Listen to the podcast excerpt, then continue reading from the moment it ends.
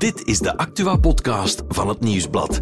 In samenwerking met Play Nostalgie en GVA. Het is donderdag 30 november en een mama van 36 springt uit een rijdende auto midden op de autostrade.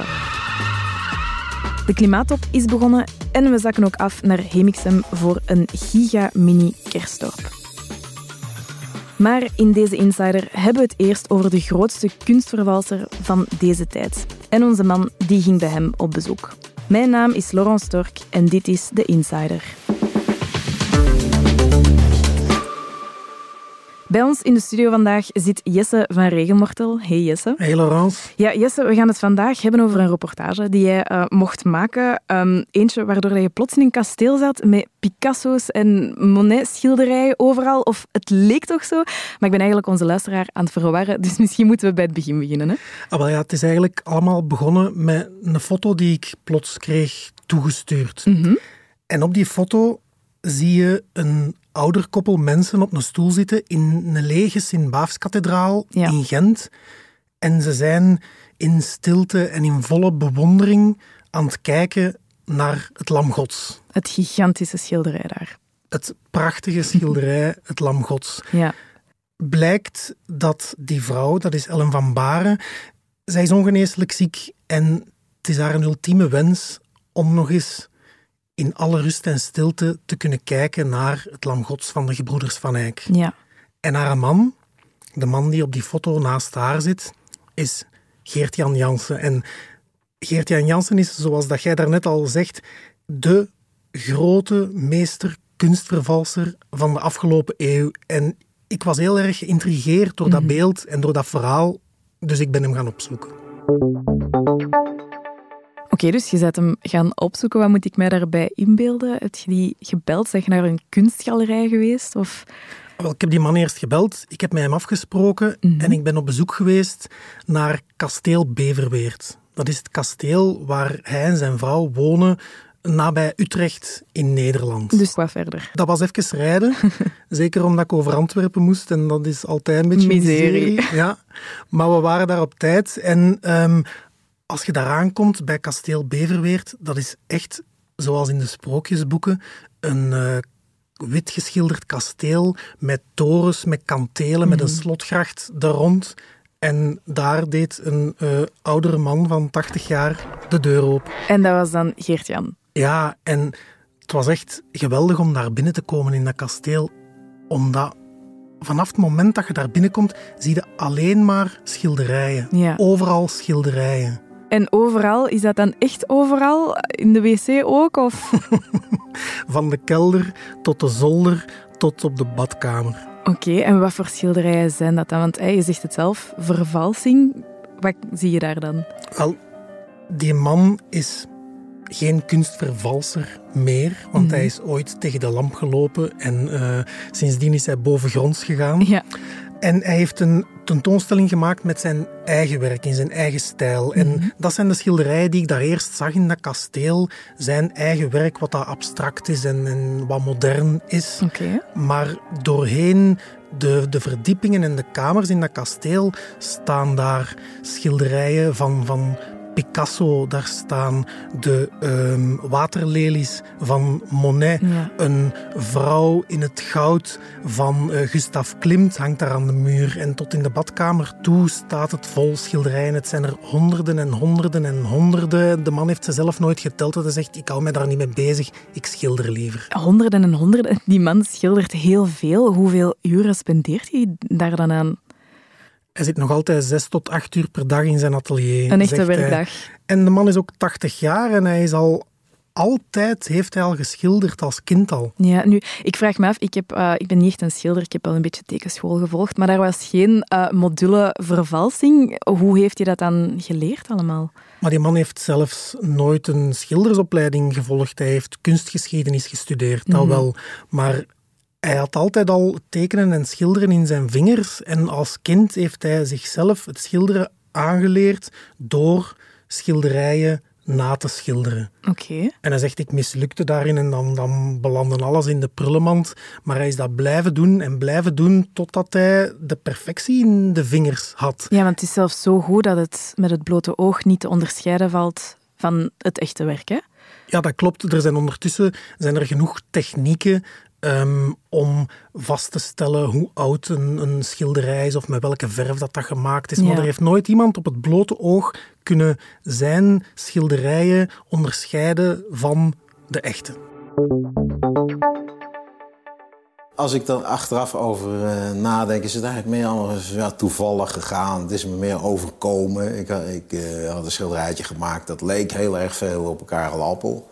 En zo had ik het ook gesigneerd en dat bracht ik dan eens een keer naar een veiling toe. Het was meer een soort experiment. Ik dacht ook echt, uh, nou doe ik iets wat helemaal verkeerd is. En daar kan ik heel veel gedonder mee krijgen als dat uitkomt.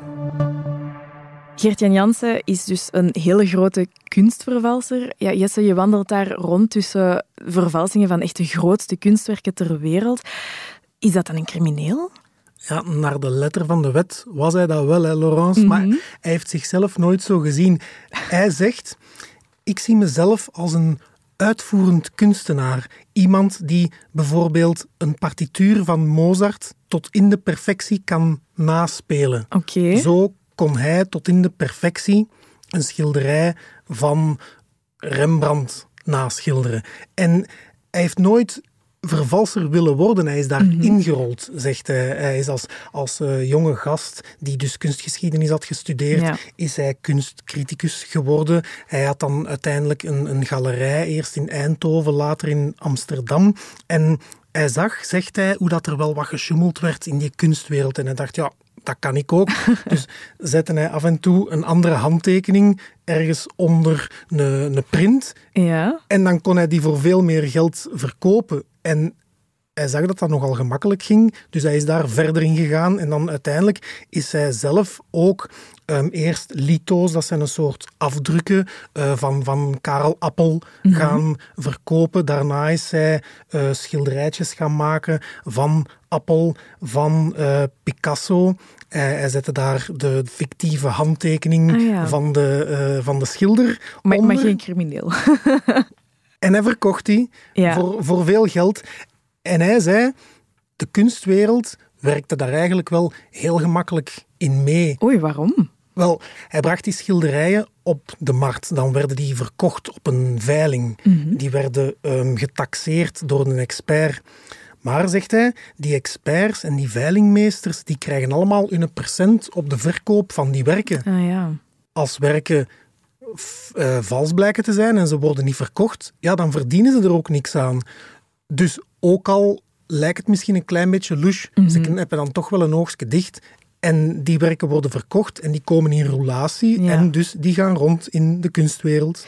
Dus er zijn nu wel wat schilderijen die de ronde nog steeds doen van hem. Ja, dat is wat Geert-Jan zegt, hè, dat er nog altijd wereldwijd een aantal schilderijen van zijn hand in uh, musea hangen, maar dat niemand weet dat dat geen echte zijn. En heeft hij u gezegd in welke musea? Of? Hij wil dat nooit tegen niemand zeggen. Hij zegt, als ik dat vertel, dan gaan ze die schilderijen daar van de muur halen en dan verdwijnen die in een depot. En nu kan iedereen die zien.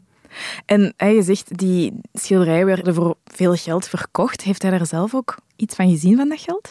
Wel, hij heeft daar uiteraard wel wat aan verdiend. Mhm. Maar hij zegt ook dat dat niet zoveel was. Ja. Dat hij een, uh, een schilderij voor een paar duizend gulden verkocht aan een handelaar en dat dat dan in het circuit kwam en dat dat dan later wel voor vele tienduizenden guldens werd verkocht of voor nog veel meer, maar dat hij daar niet veel van zag. Bon, over zijn financiën spreekt hij niet zo graag.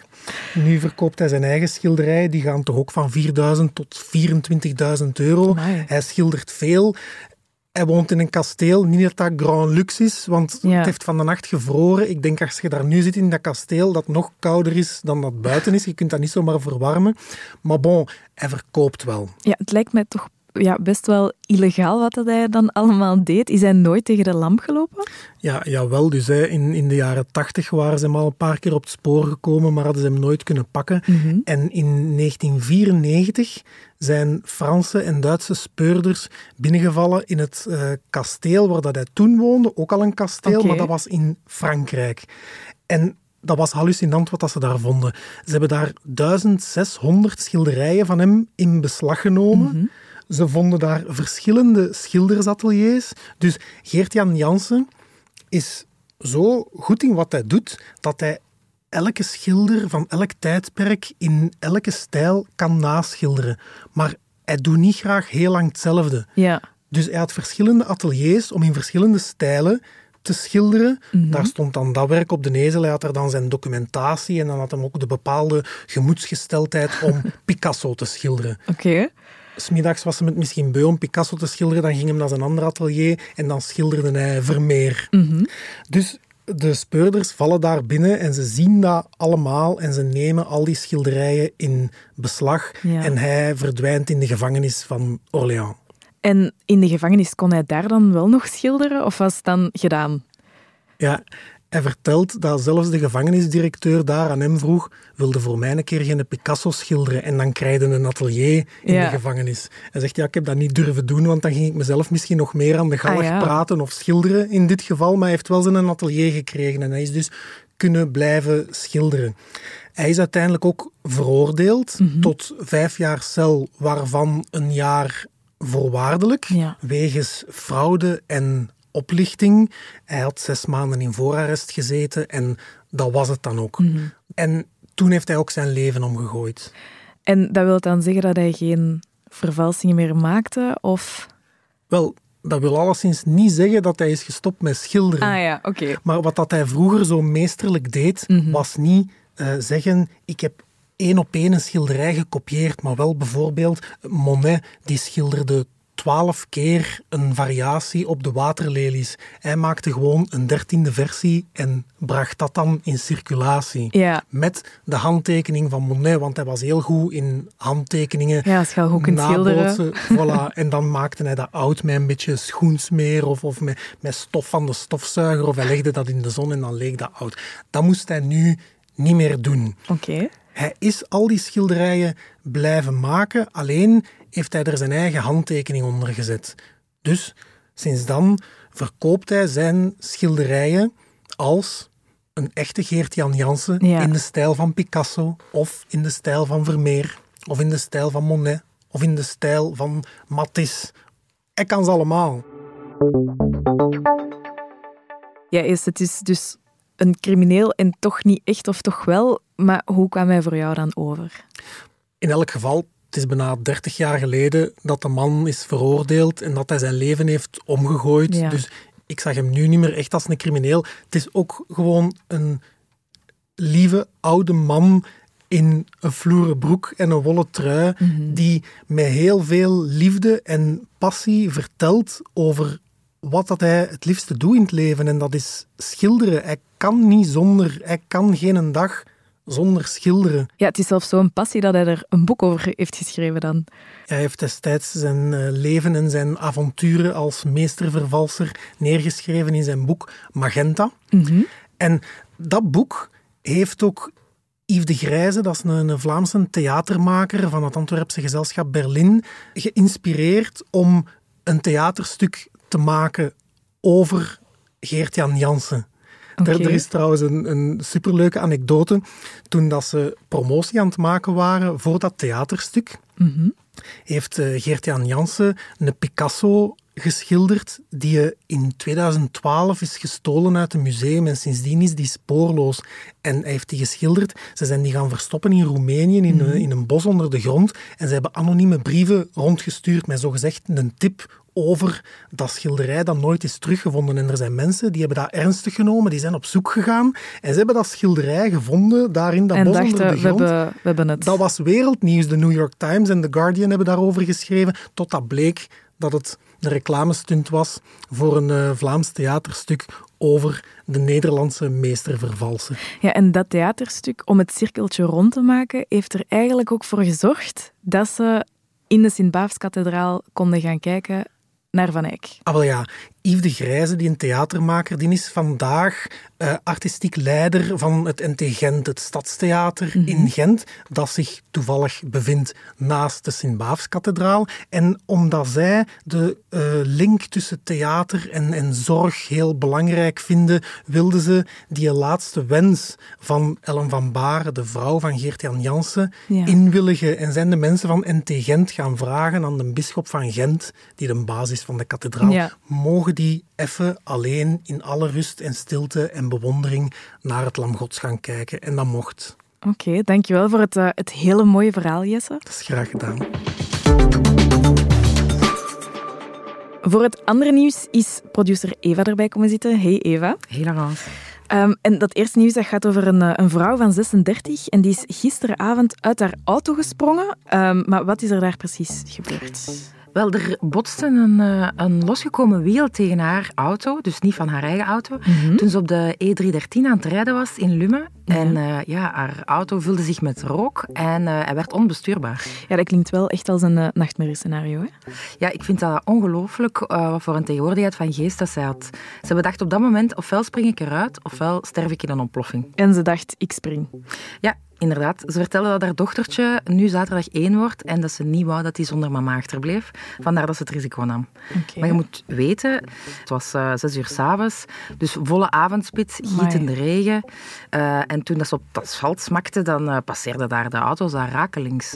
eentje op 10 centimeter van haar. En is ze daar dan alleen blijven liggen of wat is er dan gebeurd? Nee, het is echt wel een beetje een, er is een heldhaftige redding in het spel gekomen. Okay. de vrachtwagenchauffeur Erik Flemings, die zag alles gebeuren en zette zijn truck uh, meteen achter haar auto, waardoor dat, want dat is het gevaar. Het geblokkeerd werd, ja, ja. Inderdaad. Nu, Eva, ik vraag het mij wel al sinds het begin af, van waar kwam dat wiel? Ja, blijkbaar kwam dat ook van een vrachtwagen, maar dus niet... Niet die vrachtwagen? Niet die van Erik. Okay. De vrachtwagen is, is blijkbaar doorgereden en voorlopig nog niet teruggevonden. Dan is er ook uh, ja, vandaag klimaatnieuws, want de klimaattop is van start gegaan in Dubai. Um, wat gaan ze dit jaar doen? Of wat staat er op de planning? Voor het eerst uh, is er dit jaar een evaluatie in hoeverre de alle landen, en dat zijn er bijna 200, mm -hmm. hun huiswerk hebben gedaan. En hoe ziet dat eruit? Of heeft de hond hun huiswerk opgegeten? Uh, wel ja, het, het, vraag stellen is te beantwoorden, denk ik. Mm -hmm. We zijn nog heel ver verwijderd van onze doelstellingen. op de klimaattop in Parijs, dat was in 2015, was er een maximale opwarming van 1,5 graad vastgelegd. Maar als we voortdoen hoe dat we nu bezig zijn, zitten we aan het eind van deze eeuw uh, 2,5 tot 2,9 graden warmer. Ja, en voor wie meer wil weten over de klimaattop, check zeker onze insider van dinsdag. En er is natuurlijk ook nog regionieuws, Eva, en jij neemt ons daarvoor mee naar een kerstdorp.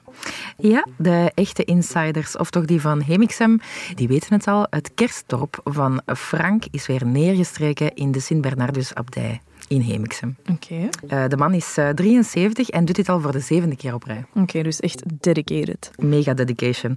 Uh, de kerstspirit wordt daar echt, echt serieus genomen. En mensen die helpen, die krijgen zelfs de eretitel 11. Oh. Maar dat vertelt de maker, Frank, dus zelf aan onze collega's van ATV. Het is boven onze kop gegroeid. En dan heb ik een deel, allez, een deel baar gekocht en dat stopt niet meer. Ik zit al eens, dat maakt niemand anders niet aankomen. En uh, die, die, van ons doet de papier maché uh, en was, was, was sneeuw strooien en zo. Ja, oké, okay, allemaal naar Hemixem dan, hè? Ja, en het is nog voor de gratis ook. Oké, okay, cool. Dankjewel, Eva. En uh, morgen zijn we er opnieuw met een nieuwe Insider.